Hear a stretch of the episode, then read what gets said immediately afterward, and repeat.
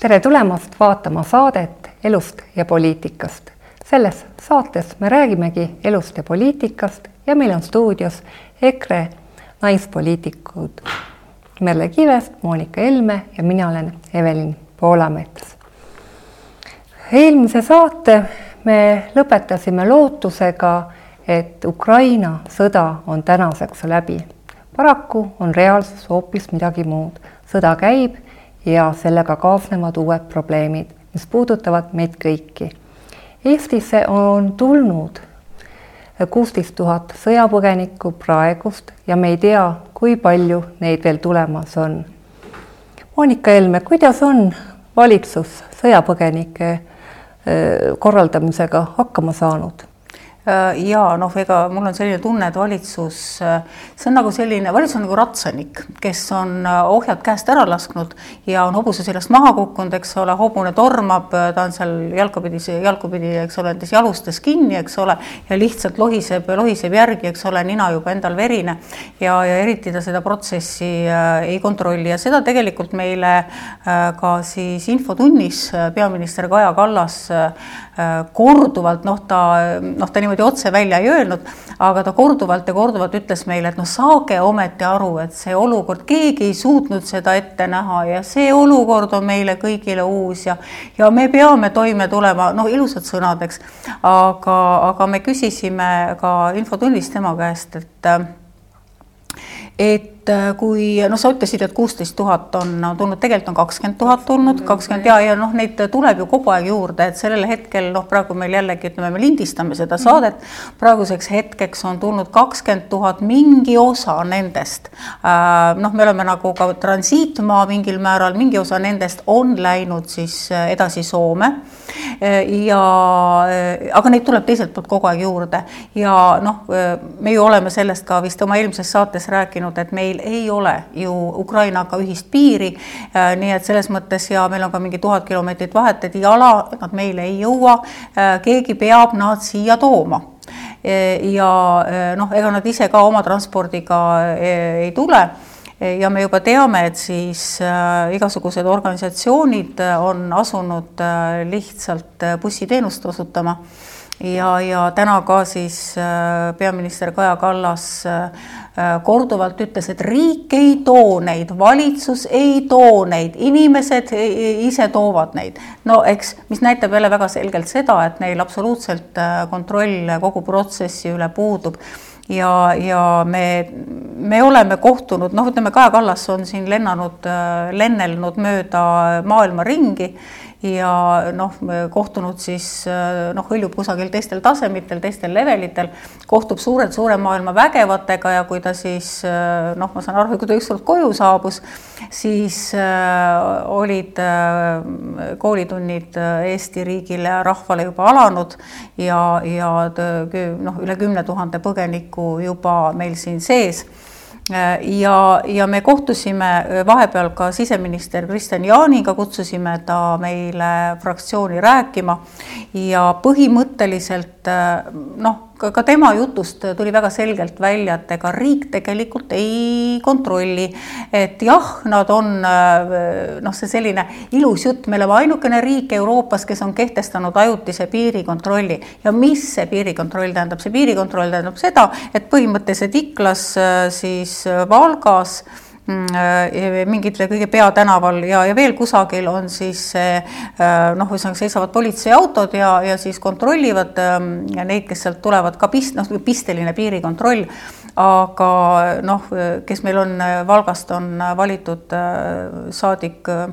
Uno Kaskpeit juba ütles, et Äh, noh, naeris selle peale, ütles niimoodi, kuulge, kõik ju teavad, et, äh, et noh, neid tänavaid, mis tuleb, mis sealt Valga ja Valka vahel on, need on ju rohkem ja, ja kes tahab, eks ole, neid noh, see liikumine käib tegelikult igal pool mujal ka, mida keegi ei kontrolli siis. E, ja, ja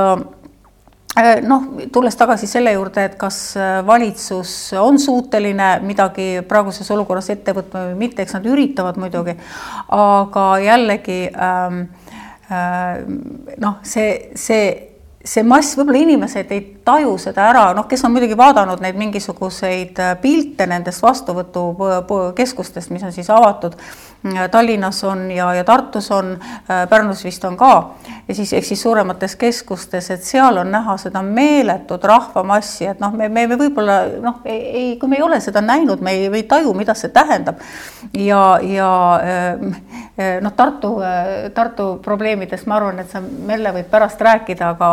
aga minu meelest ka Tartu, no Tallinnas on omaette, kõik nad tulevadki ju Tallinnasse kokku, eks ju mm. -hmm. ja, ja Tallinn, noh, me oleme küll kõige suurem omavalitsus, aga,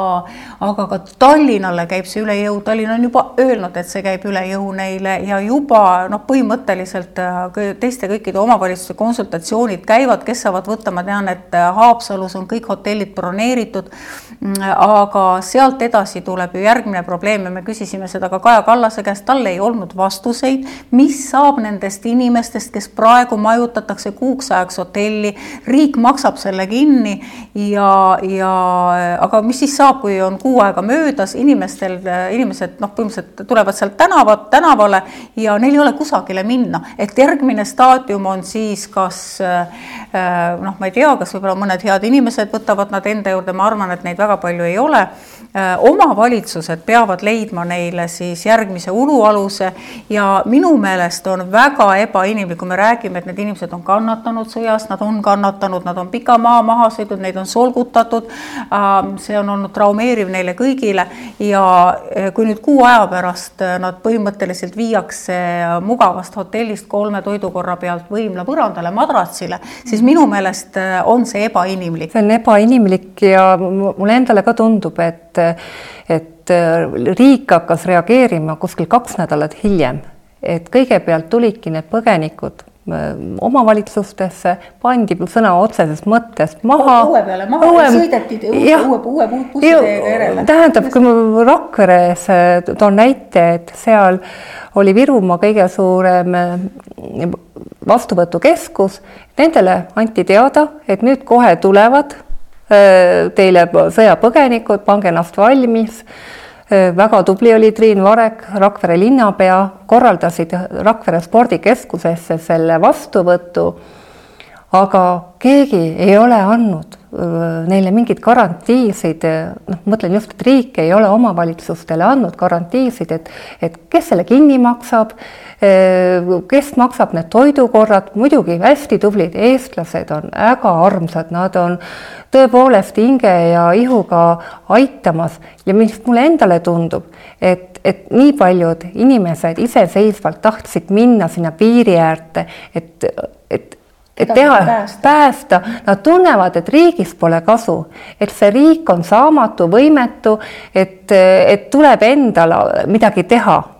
et valitsus ei saa selle kriisiga hakkama ja et kõik see initsiatiiv on inimeste enda poolt. no hästi palju on tegelikult ju ka rakendatud vabatahtlik, eks ole, et noh, et, et sest riigiametnikest ei piisa, meil on sotsiaaltöötajaid endalgi olnud, eks ole, kogu aeg, kogu aeg puudu ja, ja noh, nad on ülekoormatud, eks ole, olnud meie oma inimestega tegelemisel juba varem. see administratiivne suutlikkus ja võimekus on juba noh, enne olnud selline piiripealne nagu meil riigis kõik on, eks ole, selline nii ära optimeeritud, riik on nii õhukeseks viilitud, et, ähm, et noh, need avalikud teenused äh, ongi alati seal sellised piiripealsed ja noh, nüüd on inimesed tõesti, need vabatahtlike panus kogu sellesse protsessi on täiesti, äh, täiesti noh, kirjeldamatult suur. Ja, ja noh, ma, ma arvan, et nii need inimesed, kes siia tulevad, peavad neile väga tänulikud olema, kui ka, kui ka tegelikult see saamatu valitsus, kui, kui meie inimesed inimesed ei tuleks appi ja, ei panustaks oma aega, oma tööd, ei tooks toidupakke, ei tooks kõike noh, esmatarbekaupu, siis riik oleks käpuli, mis käpuli. Ja ma tahaks ka lisada seda, et tegelikult kriisi reguleerimises oleks pidanud meil juba varem olema nii-öelda nende MTÜ-de valmisolek selleks, kui meil nii-öelda selline kriisiolukord saabub sest Tartu näitel tegelikult on ka tegemist sellega, et ikkagi omavalitsuse töötajad on need, kes siis praegu teevad tohutult pikki tööpäevi, on ka nädalavahetustel tööl, selleks, et see nii-öelda esmane olukord ära lahendada. sest no selge, et see ongi justkui kohaliku omavalitsuse kohustus tema territooriumile saabuva abivajajaga tegelemine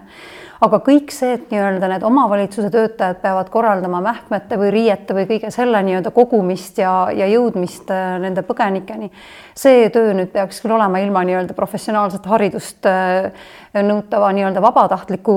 võim, võimekus nii et ähm, selle koha pealt jällegi, et kui meil on olemas kriisi juhtimine ja kõik see, siis peaksid olema sealt järjest nii-öelda võtta need MTÜ-d ja vabatahtlikud, mitte riigi ressurssi kulutada niisuguses mahus. ma tahtsin, ma tahan küsida Merle käest, et ma nägin äh, siis televisioonis äh, oli siis küsitud, et meil on ju reformierakondlik linnavalitsus Just. Tartus, eks ju mm. -hmm. ja, ja, ja noh, Tartu on samamoodi, sinna tuleb äh, väga palju, väga palju inimesi, nad on siis sinna hotellidesse kõik majutatud ja ja, ja seal neid siis noh, jooksvalt menetletakse ka, aga siis eh, sellesama Reformierakond, Tartu Reformierakondliku linnavalitsuse ametnik oli üliväga nõutu telekaamera ees, kui ta, no ta tegelikult ta sedastas ära selle olukorra, eh, öeldes, et jaa, et eh, kui nüüd kuu aega saab mööda, neid inimesi on juba praegu nelisada ja neid tuleb kogu aeg juurde, eks ju. aga pärast edasi üüriturul, noh, nad peaks minema kusagile elama, eks ju mm. -hmm. et äh, noh, kui me mõtleme, et nad kõik tahaksid kusagile korterisse saada, kus siis oma elu alustada, noh, nii kaua, kuni nad siin on, et äh, Tartu üüriturul on vaba pinda kolmsada korterit, ütles ta. ja korteri keskmine hind, noh, seal ütleme mingi viiekümne ruutmeetrine korter, kuhu siis läheks siis ütleme, mingisugune perekond siis ema lastega, lastega sisse, et äh, see maksab turul viissada eurot kuus pluss kommunaalid. Ja tema ütles küll, et tema ei tea, et et, et linnal kindlasti ei ole neid vahendeid, et hakata neid kortereid nendele inimestele üürima ja seda kõike kinni maksma. ja ta ütles ka väga õige asja, mis on ka Tallinnas väga suur probleem, see on tegelikult igal pool probleem. sotsiaalpindasid ju tegelikult omavalitsustel ei ole, need vähesedki sotsiaalpinnad, need keerlevad nende oma, oma hädaliste vahel, eks ole, seal on ainult halvad või, või väga halvad valikud, nagu ma tean Tallinnas, kus, kus ma olen ise olnud ju selle elamuasemekomisjoni komisjoni liige äh, siis Haaberstis, aga noh, üks selline täiesti äh, noh, väga hingekriipiv juhus oli see, kus äh, kuueteistaastase puudega poja üksikema, noh, vaata, see oligi, et kuusteist aastat poeg sai kuueteistaastaseks, puue ei kadunud ära, üksikema ei kadunud ära, aga see õigus taotleda noh, nagu ütleme niimoodi noh, kas niimoodi soodustatud või eelisjärjekorras seda sotsiaalpinda kadus ära ja ta vaeseke visatigi tänavale ja võeti teine veel hädalisem asemele. et, et noh, need ongi need halvad ja väga halvad valikud, mida siis nagunii on nende omavalitsuste sotsiaalpindade osas siiamaani tehtud. ja, ja jällegi me, et me teame ka seda, et need sotsiaalpinnad, mida noh, Tallinnas on hea, Tallinnas on need Raadiku suured üürimajad, kus siis, ähm, mis on tõesti tänapäeva nõuetele vastavad. aga üldiselt see selline sotsiaalpind, mida siis noh, niimoodi jagatakse ja vahetatakse nende hädasolijate vahel. tihtipeale on ju selline, mis äh, noh, ei ole võib-olla kõige äh, noh, kõige tänapäevasem, eks ju. ja, ja, ja kui me nüüd mõtleme, et äh, nüüd nende sõjapõgenike jaoks noh, on siis alternatiiv see, et ostame, et üürime üüriturult, eks ole, selle, selle noh, kõik need pinnad, siis tekib ju väga ebavõrdne olukord, eks ole, meie oma inimeste ja ka sõjapõgenike osas, eks ole, et noh, et ühtedele pakutakse siis riigi raha eest või ma ei tea siis, kelle raha eest, praegu keegi ei teagi, kelle raha eest, mingisugused toredad pinnad, ilusad pinnad, tänapäevased pinnad, aga oma inimesed jah ja et võib-olla nende pagulaste vastuvõtmise juures me tegelikult ju peaks praegu juba andma neile teada seda, milline see tulevik neid siin Eesti sees ootab. me teeme praegu väga lahkelt neid valikuid või pakkumisi, et kas Eesti kool või vene kool või mis iganes et siin puudub nagu selge seisukoht selles, et kas me nii-öelda lähtume sellest, et nad on ajutiselt siin, me nii-öelda anname seda kohe neile mõista, niipea kui olukord teie kodumaal paraneb, noh, mis iganes nii-öelda ehitustööd võtavad aega, see võibki olla selline aastane periood, et tõesti võibki nii olla. Ja ka siis on väga selge, et aastaks me võimaldame teile ikkagi emakeeles õpet ja ei hakka teid integreerima nii-öelda Eesti koolidesse et iseenesest ähm, ma püüdsin nii-öelda täna vestelda ka mm, Tartu linna sotsiaalosakonna juhatajaga ja tegelikult ongi see, et ega keegi ei tea, milline koormus hoolekandele või üldse nii-öelda kõikidele valdkondadele, ka tervishoid, mis see üldse kaasa toob, sest tegelikult me ei tea täna seda, millised on need nii-öelda tegelikud valikud, mida siis need ukrainlased valivad ja noh, sest me jätame selle lahti, me tegelikult peaks väga kindlat valikut pakkuma, mitte neid nii-öelda heaoluvõimalusi looma neile ka illusiooni, et siin ootab teid roosamanna ja pudrumäed ja piimajõed. ei, aga ma, ma ütlen sinna vahele, et see on ju tegelikult teistes maa, nendes maades juba läbi käinud, kes on neid pagulasi üritanud integreerida, see pettumus see pettumus, mis pöördub pärast riigi vastu, kes on neid nagu avasüli vastu võtnud ja algul nagu aidanud, see, see pettumus äh, pöördub selle riigi vastu ja sealt tulevad, no vaata kõik need terrorismid ja, ja kõik need asjad, et see, see järgmine põlvkond, eks ole, kes nagu tunneb, et noh, nendest ei hoolita ja noh, ühesõnaga see, see, see, see kõik käib sellega kaasas just ja seesama meditsiinisüsteemi teema, et kui meie oleme nüüd kaks aastat nii-öelda koroonapiirangute või tohutu nii-öelda haigestumise tõttu on inimesed, noh, me kõik nii-öelda püüame oma arsti juurde minekuid lükata edasi nii palju kui võimalik või juba need, kes tõesti akuutselt vajavad seda ravi, öeldakse ka ju lükatakse nende neid nii-öelda operatsioone ja kõiki raviprotseduure edasi, sest enne on vaja akuutselt tegeleda, noh, kui meil on jälle nii-öelda haigla täis maksimumnumber, siis me, teie peate paraku ootama. meie juba ju oleme kannatanud ja oodanud selle koroona aja, et me nii-öelda oma raviteenuseid selliselt ei saa, nagu see võib-olla tavapäraselt oli ja nüüd korraga tuleb siia juurde, noh, tänase päevaga on siis kakskümmend tuhat, noh, me võib-olla, me ei tea, kui kiiresti see sada tuhat võib-olla täituda võib. ja kui nüüd nemad nii-öelda tulevad meie Haigekassa teenustele, see juba tekitab selle olukorra, et, et see sisemine frustratsioon siin meie ühiskonnas, see hakkab ju kruvima, sest selge, et me tahame neid aidata, aga me peame ikkagi väga selgelt teadma, kus on meie enda piirid ja kas me teeme seda enda arvelt või, või kelle arvelt me seda teeme. ja noh, see, mida ma olen ikka alati öelnud ja küsinud, et noh, et kui keegi, mm, kui keegi noh, vot, vot selle kõige selle jutu peale ju tegelikult võiks öelda, et oh, te olete umbes nii äh, südametud ja te ei hooli, eks ole, et vabandust, et aga minul on küsimus, et kuidas aitab seda abivajajat see, kui aitaja äh, mingi noh, suurest koormusest tema peale ise kokku kukub. no ta ei ole võimeline aitama. no ma räägin, eks ole, kuidas see seda abivajajat siis lõpuks aitab, et noh, et, et me, me peame neid küsimusi küsima, me peame need piirid, piirid kusagile tõmbama ja, ja me peame ka ausad olema. me ei tohi endale valetada ja ammugi ei tohi me valetada nendele inimestele, kes tulevad. just ja me peame seda kõike objektiivselt vaatama, sest täpselt see abistamine kurnab meid. me tegelikult oleme, me oleme ju oma rikkuselt nii-öelda, ma ei mäleta, mitmendal kohal, me ei saa öelda, et me oleme nüüd üks rikkamaid riike. no just, ja tegelikult äh, nüüd siis vaatamegi, et äh, kas need numbrid nii-öelda, kui palju keegi kedagi vastu võtab, et kas see on nagu aus jaotus või noh, meie siis nii-öelda inimene peabki nagu vaesuma ja teenustest ilma jääma, et siia tulevad uued inimesed, kellel on suurem õigus sellele. ei ole ju tegelikult tegelikult, et me selles osas oleme ju võrdsed. nii et need on nagu teemad, et mina nagu näen tulevikku siiski ei näe väga roosilisena, noh, näengi seda, et kui me täna ei tee õigeid otsuseid, siis see meie tulevik võib olla üsna tume. ei taha jälle mõjuda väga nii-öelda morbiidsena, aga, aga tõesti täna tuleb see väga selgeks teha ja ka anda nii-öelda uutele inimestele see informatsioon, kuidas me suudame teid aidata. ja sul on väga õige tähelepanek, et me peame olema objektiivsed hetkel me oleme olnud väga emotsionaalsed, et kõik me tahame aidata, aga kui meil ei ole võimekust aidata, siis me ei saa ju aidata. tegelikult on ju ette nähtud, kui palju üks äh, sõjapõgenik võiks raha saada nii oma elu asemekuludeks kui ka toitlustuseks, see on tuhat eurot kuskil ja lapsele siis kaks tuhat. kas minu meelest, kui oli kahe tuhande viieteistkümnendal aastal see põgenikekriis, siis riik pani paika teatud piirmäärad. ja kui nüüd mõelda, et meil on kümme tuhat põgenikku, kakskümmend tuhat põgenikku ja korrutada see kakskümmend tuhat äh, tuhandega ehk siis äh, tuhat eurot kuus,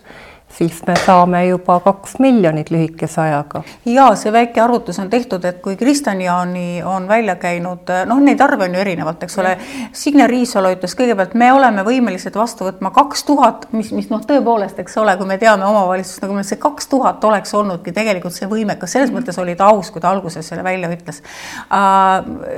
kui see protsess pihta hakkas, siis lühikese ajaga, ajaga oli sellest saanud kümme tuhat ja siis Kristjan Jaani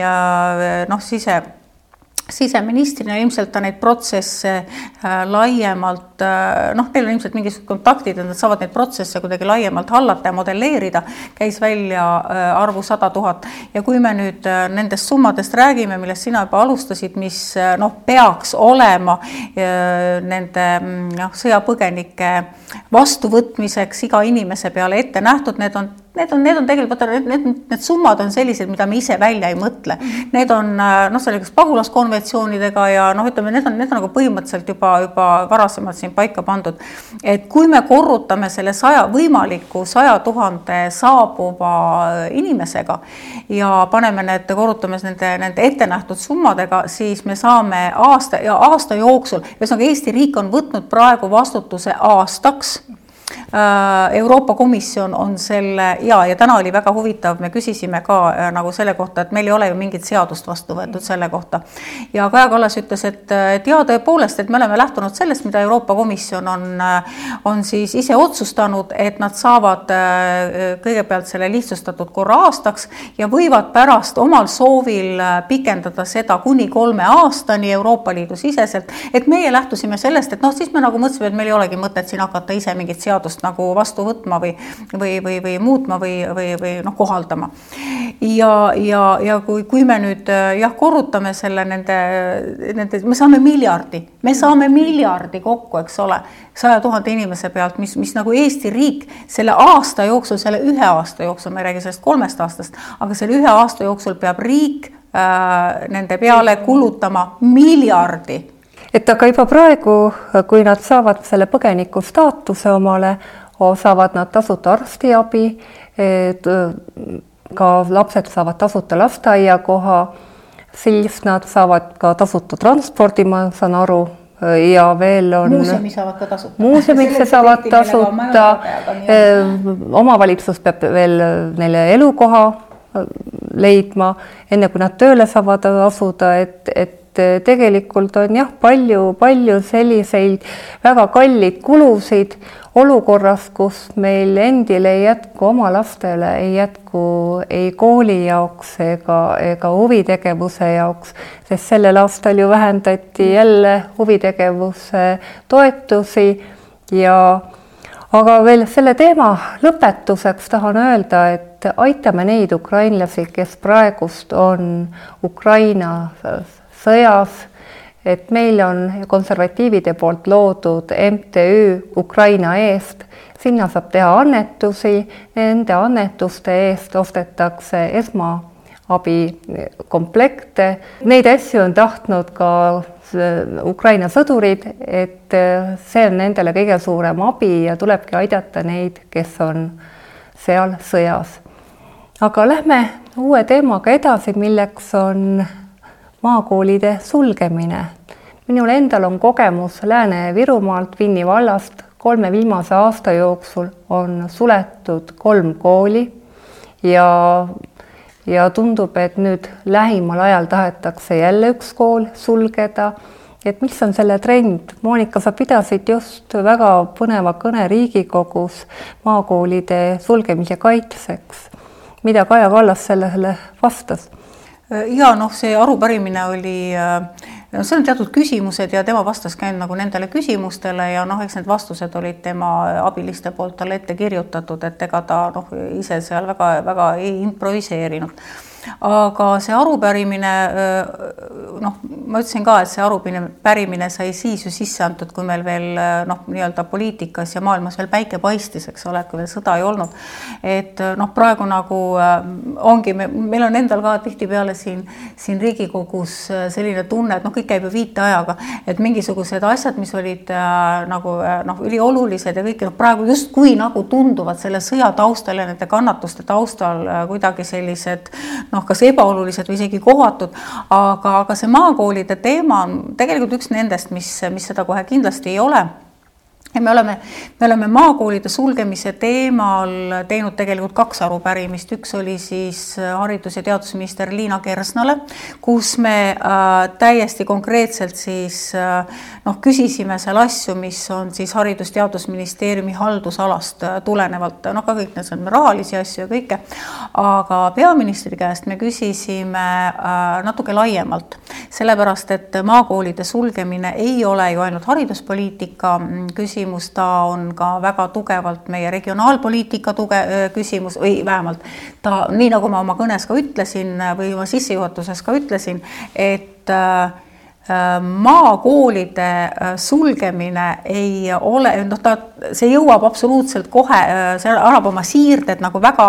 noh, erinevatesse äh, erinevate ministeeriumite haldusalasse ja noh, ütleme, kui noh, ütleme natukene kokku, kokkutõmbavamalt väita, siis üks on kindlasti meie julgeoleku küsimus, äh, eriti praegu, eks ole, elu maal, maaelu, äh, noh, kui näiteks kui peaks sõda puhkema, siis äh, kust meie linna, linnades on ju väga ebaturvaline, me näeme ju Ukrainas, eks ole, et mis toimub, et linnades on ebaturvaline, linnu pommitatakse, maakohti, ühesõnaga sõjarelvad on nii kallid, mürsud on nii kallid, et mitte neid ei, neid ei hakatagi hajaasustuse tegevuse peale üldse, üldse selles sõjategevuses praegu raiskama. Ukrainas me näeme seda, nii et, et, et noh, linnades on ebaturvaline, maal on turvaline, täpselt nii on ka Ukrainas. et kui sellest lähtuvalt, eks ole, mida vähem on meil inimesi maal, mida vähem on meil maamärke maal, eks ole, mida vähem on meil, on meil kogu seda infrastruktuuri ja kõike tugisüsteeme maal, seda haavatavamad me oleme julgeolekupoliitiliselt, nii, siis kaitsepoliitikas, kaitsepoliitikas ka kõik need inimesed, eks ole, Kaitseliidu liikmed liikmed suuresti ju elavad kõik maal ja, ja, ja noh, nende pered ja kõike, nad peavad seal, peavad seal noh, kõik oma igapäevased teenused kätte saama. kui me nad ära võtame, siis ka need inimesed kolivad sealt ära maalt kaugemale ja kui tuleb meil, eks ole, niisugune kaitsepoliitiliselt raske olukord jälle, siis jällegi meil ei ole neid inimesi maal, kes meie riiki kaitseks, eks ju, just ja, ja, ja noh, regionaalpoliitiliselt nagunii, et see on noh, väga lai teema, et, et, et siin noh, see, me oleme seda regionaalpoliitikat ähm, ju öelnud kogu aeg ja, ja kui meie olime valitsuses, siis äh, meie äh, noh, ütleme kooli-, kui me sõlmisime koalitsioonilepet, siis meie panime sinna sisse punkti ja seega pidas kogu see aeg, kui me olime valitsuses, ühtegi maakooli ei suleta ega ka ei pisendata, ehk siis ei kaotata ära kooliastmeid kuidas see Perle teil seal Tartu linnas on, kas koolikohti jätkub piisavalt? No Tartu on ju ikkagi Eesti suuruselt teine linn, et meid see probleem ei puuduta.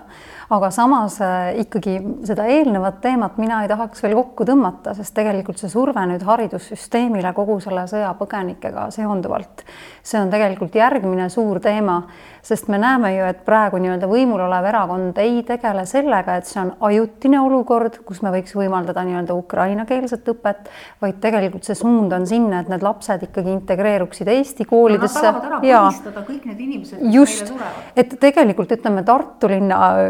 pinnalt edasi minnes näen ma seda, kuidasmoodi ka meil nii-öelda kogu see, kuigi homme on meil alles volikogu, kus meile antakse ülevaade kogu sellest olukorrast, et hetkel on mul võib-olla vähe informatsiooni selle kohta,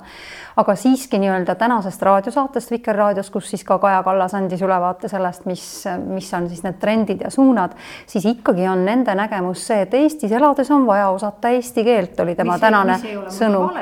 no just, aga no kõik need ülejäänud osa integreerimata nii-öelda rahvast, siis ei ole see eesti keele oskamine olnud nii oluline kui nüüd, kui tulevad ukrainlased, kes peavad igal juhul, et siia jääda nii-öelda jõudma Eesti kooli, et omandada siis seal eestikeelset haridust, et see nagu ikkagi on vihje selle sellesse suunda, et see kõik on nii-öelda siiski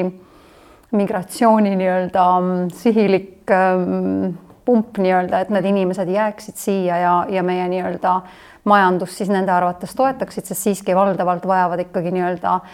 nende suurte ettevõtete inimesed töökäsi. mina olen aru saanud, et äh, Ida-Ukrainast tulevad inimesed räägivadki vene keelt ja, ja. ja ka piiripunktist on mõned inimesed tulevad ka Lääne-Ukrainast, kus ei ole hetkel sõda. ühesõnaga kõik tulevad, kes tahavad, sest äh, tõepoolest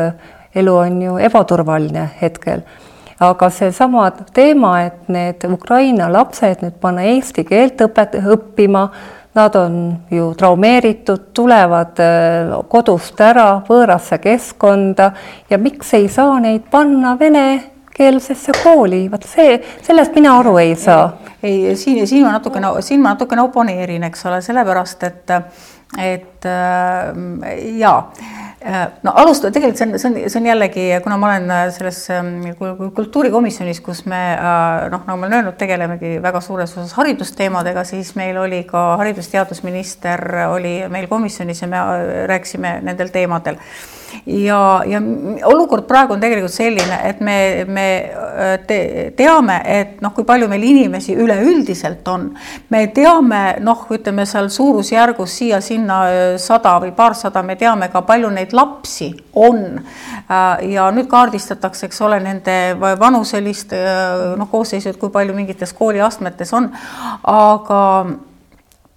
aga mis on nagu selgeks saanud, et äh, sellesama aja jooksul äh, e, nad on pakkunud inimestele võimalust registreerida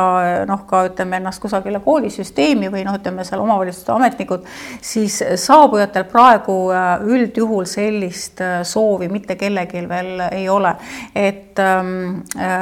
ja jällegi, mida, mida tegi Tallinn? Tallinna linnapea Kõlvart seal ühesõnaga Niine tänava registreerimiskeskuses, äh, siis esimese asjana küsiti saabujate käest, et miskeelses koolis te tahaksite, et teie lapsed õpiksid, sest nagu me teame, meil on kolmkümmend aastat olnud oma Eesti riiki ja me ei ole suutnud kolmekümne aastaga, seesama Reformierakond mm, -hmm. kes praegu meile räägib siin eestikeelse hariduse olulisusest ja nutab krokodillipisaraid äh, ei ole kolmekümne, neil on seitseteist aastat on nemad valitsenud, eks ole, koos teiste, teiste koalitsioonipartneritega, suuremate erakondadega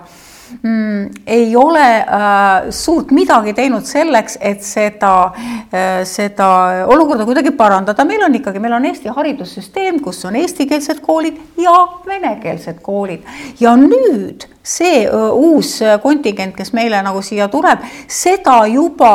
Tallinna linnapea ja no juba hakatakse püüdma sinna venekeelsete koolide võrku, sest et venekeelsete koolidega on ka see, et noh, et, et, et järjest rohkem tegelikult ka vene lapsevanemaid juba pani oma lapsi ise Eesti kooli, nad juba ise tahtsid integreerida, no kui mitte ennast ei saanud, siis vähemalt lapsed integreeruksid Eesti ühiskonda. ja mida teeb siis nüüd Kõlvart? Kõlvart pakub, eks ole, kõikidele tulijatele võimalust, oo, kui te tahate, meil on venekeelsed koolid ka. Ja, ja mis on kõige,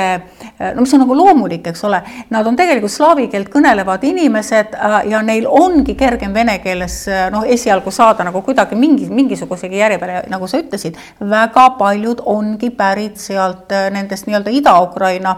Ida-Ukrainast, kus nad ongi venelased, eks ole, noh, nad, nad tulevad, tulevad siia, nad tulevad Ukraina sõja jalust ära ja noh, ei hakka meie, eks ole, seal tegema mingit testi, kas sa oled ukrainlane või venelane peale ja nemad ongi juba öelnud, mingi nelikümmend protsenti on öelnud, nemad lähekski, panekski oma lapsed kõik vene koolidesse. aga mis puutub seda ukrainakeelset kooli, siis äh, äh, ja äh, meie ütleme Euroopa tasandil on juba äh, suheldud väga tihedalt ja suheldakse ka edasi Ukraina haridusministeeriumiga mm, -hmm. eks ju. et ega siis riik ei ole ju Ukrainas ikkagi nii-öelda riik toimib ja, ja, ja noh, nii-öelda kogu see, kogu see valitsemine ikkagi, ikkagi, ikkagi tegelikult mingil tasemel ju toimib ja, ja kõik see, mis enne oli tehtud, ega see pole kusagile ära ka kadunud. Need süsteemid on alles, mis siis, et hooneid purustatakse, eks. et neil on täpselt samamoodi, neil on ka see digiõpe on olemas, neil on digiõppe materjalid olemas ja, ja, ja, ja tegelikult ka siia tulnud inimeste hulgas on neid Ukraina õpetajaid, koolide õpetajaid. et üks variant ongi see, et kui me lähtume sellest ajutisuse printsiibist ja seda on öelnud ka Ukraina enda valitsusametnikud ja ka ministeerium, haridusministeerium ja haridusminister minu meelest isegi, et nad ootavad pikisilmi seda hetke, et kohe, kui olukord normaliseerub ja sõda lõpeb, need lapsed lapsed, nad ootavad neid lapsi tagasi koju, nad ootavad oma inimesi tagasi koju ja, ja, ja ka Euroopa tasandil nad on saatnud selle sõnumi välja, et ükskõik kuhu need lapsed nüüd satuvad, need Ukraina lapsed, nende, nende oma lapsed, et nad saaksid jätkata siis selles digiõppe vormis, et noh, et riigid, andke siis kasvõi seda äh, tehnoloogiat, arvutid ja kõik programmid on olemas, nad, saavad nagu Ukraina riigiga koos seda, seda asja nagu lahendada. et, et noh, nemad tegelikult ei taha seda, et riigid, et nii suur Saksamaa imeks nende riigi, noh, need põgenikud jääksid kõik sinna. ka Eesti, et noh, et ka Eesti ei jätaks neid inimesi siia, vaid et noh, nad vajavad ju tegelikult, ega siis kui ne, muidugi nendel inimestel on noh, paljudel kodud puruks pommitatud, aga kes noh, ja paljud inimesed ongi öelnud, ma läheks kohe tagasi, isegi ma lähen, ma lähen sinna, kus mul midagi ei ole, aga ma ehitan ise uuesti üles ja tegelikult maailma riigid on ju, miljardeid on annetatud juba ju Ukrainale, et noh, põhimõtteliselt see raha on kuskil olemas ja kui sõda lõpeb, no mina olen ikkagi selles mõttes, tahan väga positiivselt mõelda, et, et see, et see, et see sõda, no läbirääkimised käivad ja, ja sobitatakse rahu. me, me ei tea, kuidas see protsess käib ja, ja kui kõrgel tasemel, aga tegelikult ka lääneriigid, ka lääneriigid, noh, kuigi nad teevad neid sanktsioone ja kõike, kõike, ka lääneriigid on aru saanud, et nad ise kannatavad nende sanktsioonide läbi Ukraina, noh, ühesõnaga kõik, et, et et noh, sellele probleemile äh, tuleb lahendus äh, leida võimalikult kiiresti. et mina ei lähtuks sellelt, see nii nagu Kaja Kallas täna ütles, eks ole, et võib-olla need inimesed jäävad siia aastaks, võib-olla jäävad kolmeks aastaks, aga võib-olla jäävad ka kauemaks. et äh, mina üldse sellist, sellist eesmärki ei püstitaks ja mida ta täna veel ütles, niisugust hästi huvitava asja, et kui me siin noh arutame, et tuleb meile suur mass inimesi, äh, üks omavalitsus ei saa hakkama, et riik peaks neid kuidagi nagu laiali jaotama. Äh, ja, ja see selles mõttes, et, et, et, et omavalitsused tuleks toime, et, et me suudaksime seda protsessi hallata. Aga need inimesed, ütles Kaja Kallas, ei taha linnast kusagile ära minna, nad on ju tulnud põhiliselt linnadest, nad on linnainimesed. Linna ja et umbes niimoodi, me üritasime neid noh, nagu jaotada, aga nad ütlesid, et nad ei taha Tallinnast ära minna, nad ei taha Tartust ära minna. no noh, me võime ju mõelda ka selle maakoolide teemal, et noh, et, et mis siis siis on, eks ole, et perekonnad maale, anname neile rahulised, rahuliku, turvalise eh, elupaiga, maal ehk ikka leiame ja, ja paneme nad seal kooli, nad saavad rahulikult oma elu seal jätkata. Nad ei taha minna, minul tekib selle peale küsimus, mida nad veel ei taha. no vot, me jõuame jälle ringiga tagasi, et ärme, ärme no. paneme neid maakoole kinni, et äh, kui tuleb ikkagi sada tuhat sõjapõgenikku, siis võib ju panna sinna need sõjapõgenike lap-, jah, sõjapõgenike lapsi. Ja mul on ka positiivne näide tuua, et äh, Rakvere vallas ongi esimene, arvatavasti Eesti esimene ukrainakeelne kool. Ja seal lapsed saavadki õppida digivahenditega. Mm -hmm. ja põhiline on ka, et lastel jääb see õpiharjumus alles, et neil ei tekiks pausi, et nad saavad jätkata õppimist. Ja eeskuju, mis tasub kindlasti järgimist. ja tõepoolest, lapsed peavad saama õppida ja meie valitsusel pikk plaan puudub, me ei tea, kuidas äh, toime tulla nende pagulastega, kes kõik tahavad meile tulla ja millised on ka nende ootused, et äh, võimalik, et paljud tahavad edasi Euroopasse minna, kus on suuremad võimalused kui meil siin külmal ja vaesel Eestimaal. Aga kevadega koos on meil üks positiivne uudis tulemas eile katkestati või lõpetati selle koroonapassi nõudmine. mida siis see hea uudis tähendab, on see nüüd asjade loomulik jätk või on siin ka väike tagamõte? ma kiiresti teen, markeerin ära, et ähm, ma, ma hirmsasti ei taha ise kogu saadet täis rääkida, aga äh, noh, inimesed, ärge olge naiivsed, ega siis äh, nagu meile kogu aeg räägiti, eks ole, et noh, et, et oi, koroona on nii ohtlik ja, ja ma ei tea, mis kõik veel, see haigus on olemas ja, ja see, äh, see ei kao tegelikult ju kusagile, see ei ole kusagile kadunud. aga, aga noh, ma räägin nendest meetmetest või noh, mida selle, mida selle haigusega seoses siis mida, mida kõike on tehtud, eks ole, kuni sinnani välja, eks ole, et noh, et koroonapass kõik kehtestati ja piirati sadade tuhandete inimeste ligipääsu avalikus, avalikus ruumis avalikele üritustele ja lasti töölt lahti ja kõik, mida siin on tehtud. ja nüüd järsku lõpetatakse ära, kusjuures me teame, et noh, et, et ega siis noh, haigestumiste ja nakatumiste arv, noh, ta ikkagi, ikkagi nagu on päris suur, eks ole, ta on tegelikult palju suurem, on nakatumiste arv kui siis, kui meil olid kõige suuremad piirangud. et ja nüüd kaotatakse need ära, aga noh, olgem, noh, olgem ausad, et tegelikult me ju teame, et neid ei kaotatud ära mitte sellepärast, et see valitsus oleks aru saanud, et nad on tegelenud noh, täieliku jaburusega ja nad on inimestele liiga teinud ja ja, ja et noh, et, et, et see on nagu liiale läinud, et noh, lõpetame selle jama juba ükskord ära, milleks ammu oli aeg. Äh, seda tehti tegelikult sellepärast, just nimelt nende inimeste pärast, kes meile siia tulevad. Nende epidemioloogilisest äh, no ütleme, seisundist ei ole meil absoluutselt mingit ülevaadet, nagu meil ei ole ka ülevaadet, palju neid üldse siia tuleb või mis, noh, sellest me rääkisime pikalt. ja, ja samamoodi äh, see vaktsineerituse tase, vaktsineeritus, mis pidi olema see, see noh, mis meid kõiki päästab, eks ole. Nende vaktsineerituse tase Ukrainas oli kolmkümmend viis protsenti, eks ole, mis on, nad on ala, nad on, nad on täielikult alavaktsineeritud ja, ja kujutage nüüd ette, eks ole, et need inimesed tulevad ja, ja need, need piirangud, see koroonapass kaotati ära ainuüksi selle tõttu, et ei tekiks riigis rahulolematus. miks need inimesed, kes tulevad, nende käest ei küsita, nad peavad saama ligipääsu avalikele teenustele, eks ole, nad peavad saama ma, ma, magada hotellis ja minna hommikust sööma, ilma et nende käest koroonapassi küsitakse, seda, mida meie käest on kogu aeg küsitud. see oli tegelikult see põhjus, miks ära, aga vaata valitsus, valitsus veel noh, kuidas ma ütlen, nad ikkagi veel niimoodi noh, seda, seda, seda viimase, see näitab, kui kiuslik ja pahatahtlikud nad on, eks ole, olnud kogu aeg meie rahva vastu. vaata maski, maskid jäeti alles, mis on nagu, mis on nagu eriliselt tobe, et noh, vaata jah, meil me, me võtsime selle koroonapassi ära ja võtsime seal mingid piirangud veel ära, seal lahtioleku piirangud ja kõik, et aga vaata maski kannate edasi jah, ja kui see maski nõue kunagi ju tuli, öeldi, et, et sellel maskil pole ju mitte mingit mõtet või et ta ei kaitse ja need haigestumuse näitajad ju näitavad ka, et mask ei ole mitte midagi muutnud, mitte midagi mõjutanud, aga nende mm, sõjapõgenike puhul keegi kirjeldas olukorda mm, -hmm. kus mm, kontrolliti seda koroonat ja keegi oli positiivne, siis öeldi, et astuge kõrvale ja jätkati tegevust, et no ainult samm eemale, noh, kujutage ette, kunagi oli olukord, kui keegi oli koroonapositiivne, topeltmaskid, topeltkostüümid, see, kes oli haige, seda enam keegi ei. jah, pandi kuhugi, ei ravitud, pandi kuhugi haigla kõige, kõige kaugemasse nurka umbes, et ju. Ja nüüd me oleme ikka sama lõhkise küna ees, et maskid ees, et no see oli see juhtum, mida sa kirjeldasid, kus äh, oligi, see oli minu meelest teil Rakveres oligi see, et ja, ja see oli, ja see oli Maalehes oli kirjas, kuidas siis see nii-öelda vabatahtlik ajakirjanik, kes oli sinna punkti appi läinud, ta täiesti noh, siiralt niimoodi rääkis, kuidas olukord oli, et jaa, tuli bussitäis, eks ole, me siin noh, tegime kõigile, kõik testisime ära, mis on noh, väga hea, et nad testivad, kõik testisime ära, noh, oli ka üks koroonapositiivne, saatsime ta siis no teistest natukene eemale,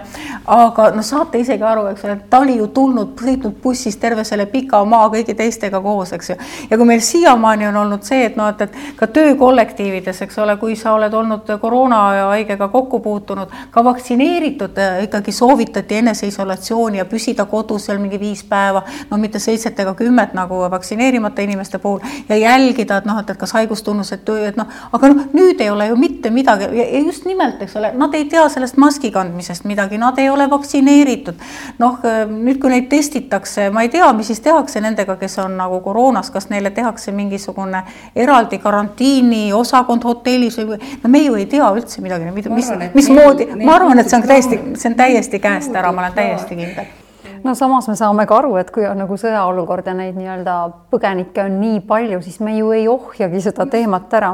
ka täna hommikul hommikutelevisioonis andis PERH-i nii-öelda peainfektsionist ülevaate sellest, et maske ikkagi tuleb kanda edasi, sest see nii-öelda vähendab seda meie nii-öelda võimalust jääda haigeks, aga samas küsis ajakirjanik, aga kas, mis on muutused nagu ravi osas, kas ravi osas me ka nagu kuhugi edasi liigume?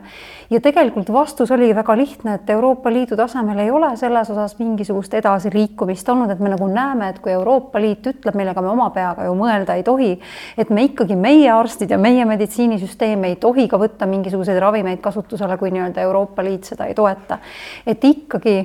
me endiselt ei tahagi justkui ravida seda haigust, mis tegelikult äh, võiks ju olla ravitav. ja, ja teine teema ju selle meditsiinisüsteemi koormamisega on ju see, et kõik me, kes me siis ei olnud vaktsineeritud, pidime ennast tundma süüdi, et näed, et meie võtame nüüd need haiglakohad ära. see mass, mis nüüd on tulnud, kes on ka vaktsineerimata suures osas, nagu sa ütled, kolmkümmend viis protsenti neist, tõenäoliselt nad ju ka võivad vajada ju arstiabi, et lihtsalt äh, arusaamatu on nagu see osa, et kus siis nende ravimiseks leitakse see ressurss et me ju oleme Põlva suuruse haigla võimekusega haigla kinkinud Ukrainale ja tegelikult me terve see aeg oleksime võinud seda valmisolekut ravida neid inimesi kogu aeg tõsta. et just, et äh, needsamad fookused nagu tunduvad nii valesti minevat, et, äh, et siin nagu iga kord on, on endal tunne, et miks me nagu teeme neid asju nii, miks me ei mõtle tulevikule. E, ja noh, see on üks asi, aga teine asi ikkagi, ega me ei saa inimestel äh, ära keelata neid küsimusi küsimast, et, et loomulikult loomulikult me saame aru, et meie olukord on täiesti teine ja võtamegi siis kõik piirangud maha ja läheb nagu läheb, aga miks me siis, kõik inimesed küsivad, aga miks mina pidin töölt lahkuma, eks ole, aga miks mind lasti lahti, aga miks mina pidin kümme päeva kodus istuma, aga miks mind hirmutati, ütleme seal kõrg, kõige kõrgemal haiglajuhtide tasemel, et kui mina olen vaktsineerimata ja satun haiglasse, siis minuga, minu puhul rakendatakse triaaži ehk siis noh, mina võin ära surra, eks ole, mind lükatakse järjekorra lõppu, noh, triaaž tähendabki seda, eks ju, et et noh, ravi, ravijuhud äh, otsustatakse selle põhjal, kes on vaktsineeritud ja kes mitte, et kui me, me, me, noh, me elasime aasta aega sellises olukorras ja praegu isegi keegi ei kavatse vabandada, ma saan aru selles osas, mida, kuidas meie inimestega käituti. Ja inimesed ongi nagu noh, ma ei tea, noh, solvunud ja see on täiesti arusaadav ja müstiline on ju ka see, et öeldi, et, et küll noh, tuhat haigestunut lükkab kogu meie tervishoiusüsteemi huppi, et, et seal on topelt äh, vaja neid raviõdesid. nüüd meil tuleb kakskümmend tuhat sõjapõgenikku, kus nüüd leitakse need vahendid raviks. Öeldi ka ju, et äh,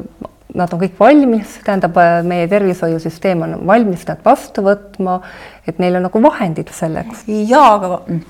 äh, ma tean küll, kuidas nad on kõik valmis, äh, kuidas, kuidas nad on valmis neid vastu võtma. Äh, mulle kirjutas üks naisterahvas Pärnust kes äh, ütles, et noh, tal oli, tal on puusa, puusaliigesega ja noh, tal pidi ka, pidi ka operatsioonile siin minema mingi aeg. et ta oli siis oma raviarstiga noh, ühesõnaga kokku lepitud, kõik aeg pandud, vastuvõtt läks siis registratuuri ja registratuurist öeldi talle, et teate, et äh, teie arst ei saa teid tänaval kahjuks vastu võtta, ta on hõivatud. ja, ja, ja et pange endale siis uus aeg, uus aeg on mingi üks kahe kuu pärast, eks ole, et noh, et ja, ja, ja noh, siis ta ütles, et äh, noh, oli nagu pahane õnnetus, sest noh, ta on valudes ja äh, ütles, et jah, et äh, see Pärnu noh, ühesõnaga seal oli täis neid, äh, neid Ukraina põgenikke juba, nii et, et et, et noh, see valmisolek ja see kõik on tegelikult, ega siis juurde ei ole kusagilt ju midagi tulnud, eks ole, juurde ei ole selle, selle kahe koroona aastaga ei, ei tehtud ju midagi juurde ja ei ole ka nüüd tehtud, eks ole, noh, niisugune tunne nagu üleöö kusagilt vanake Hottabõtš, eks ole, tõmbas selle habeme karvapuhus peale ja, ja meil on kõik, ma ei tea, raha ja haiglad ja kõik, et, ähm, et noh, tegelikult see kõik tuleb sellesama ressursi arvelt, ma ütlen, et, et see avalike teenuste defitsiit siit äh, me veel, me veel nagu äh, oleme sellesse sisenemas ja, ja praegu me ei saa võib-olla veel aru, aga me hakkame seda ikkagi seda, seda avalike teenuste defitsiiti omal nahal tundma üsna varsti. ja mis on veel, kui me enne rääkisime ebaõiglusest selle koroonapassinduse, kogu nende piirangute puhul, eks ole, siis mida meie, meie inimesed on äh, nüüd peavad südames tundma, siis kui meil on olnud siin ikkagi laias laastus noh, ütleme natukene siin noh, kõikuvalt haigekassa poolt kindlustamata inimesi äh, umbes sada tuhat eks ju, siis ja, ja praegu Kaja Kallas korrutas meile ka, nad saavad kõik need teenused, mis meie oma inimesed saavad. mina küsin, kas meie oma inimesed kõik on Haigekassaga kindlustatud? no ei ole ju et noh, et, et see, see, need jällegi sellised, ma ei, ma ei taha kuidagi, ma kuidagi ei taha õhutada jumala eest mingisugust sellist nagu noh, kuidas ma ütlen, nagu, nagu kadedust või, või noh, see, see ei ole üldse see. mina näeksin hea meelega, et meie riik ja meie valitsus oleks teinud juba ammu otsuseid, oleks ja ka praegu teeks otsuseid, ma ei tea, võtke või kolm miljardit laenu ja tehke niimoodi, et meile kõigile oleks tagatud, eks ole, korralik arstiabi, haigekassa teenused nendele inimestele, kes tulevad sõjajalust ära loodetavasti jäävad nad siia ajutiseks, et ka neile oleks tagatud, ma ei ole kade, aga ärge tekitage seda olukorda, kus meie inimesed peavad ennast, ma ei tea, ära, ära tühistama, eks ole ja, ja, ja, ja sellepärast, et, et lihtsalt valitsus ei ole suuteline, võimeline kogu seda protsessi haldama ja nagu ma alguses ütlesin, nagu sadulast maha kukkunud ratsanik, eks ole, tilberdab seal jalg jaluses kinni ja pekstakse veriseks lõpuks vastu kive ja kände. et, et noh, see on nagu see. see, see ratsanik on see Eesti rahvas, mulle tundub, et see valitsus äh, tunneb ennast väga hästi seal, et nemad ei olegi aru saanud, mis toimub, elatakse omas mullis, räägitakse mingitel sellistel sellistel teemadel, mis inimesi justkui ei puudutagi. ei, no ei, nad aru saavad küll, Kaja Kallas korrutas ju ka, eks ole, ja me tegeleme ja me saame aru ja me oleme mures ja, ja seda, teist ja kolmandat aga mm, no saate isegi aru, et noh, et, et see, see on kröönimise ja kokkuhoiu valitsus, eks ole, algusest peale olnud, neil on see eelarve tasakaal tähtis, inimesed ei ole neile kunagi tähtsad olnud. ja, ja noh, me ju mäletame seda, kuidas kaotati ära kempsud ja, ja prügikastid teede ääres laste huvihariduse pealt, igad orkestrid kaotati ja. ära, eks ole, noh, me, me see, seda nimekirja me kõik mäletame veel, eks ole, et hoida kokku siit kümme tuhat, sealt kümme tuhat, kokku viiskümmend tuhat tuhat, noh siis kui võib-olla tuleb sada tuhat kokku, eks ole, võib-olla kolmsada tuhat, eks ole, no võib-olla saab mi-, võib-olla saab miljoni kuskilt kokku hoida. kuskilt raha ei loeta, ei loetud raha koroonatestide pealt, absoluutselt muudkui testige ennast söögi alla, söögi peale, vaktsiinide pealt ei hoitud kokku, hapnegu kui palju, mitu põrandaküttega külmladu meil, ma ei tea, veel no, on kuskil. Läks, no juhtub,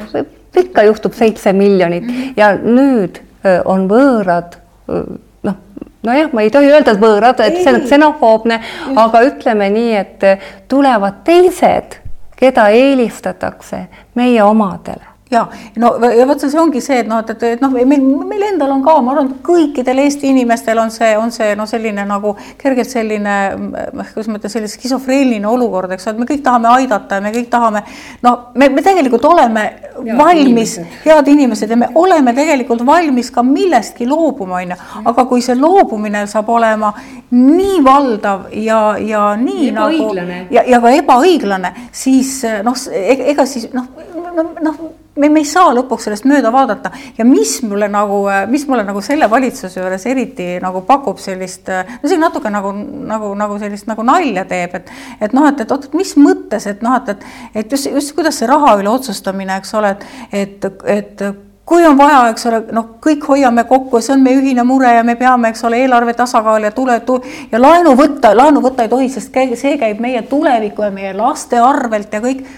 ja nüüd on järsku, mina ei tea, kus see ämmakapp siis on, eks ole, kus justkui nagu raha tuleks kogu nagu aeg. naftat leiti või? ja ei no selles mõttes Reformierakonnal ongi nagu selline, kui on vaja, siis on alati ämmakapp kusagil olemas, kus nagu teed lahti ja siis muudkui võtad sealt raha, eks ju, annad sinna, kuhu ise tahad. aga head vaatajad, suvi on tulemas, järgmine kord juba kohtume kevadel, oleme raske talve üle elanud ja näeme ja elame veel. kõike head, olge hoitud. olge terved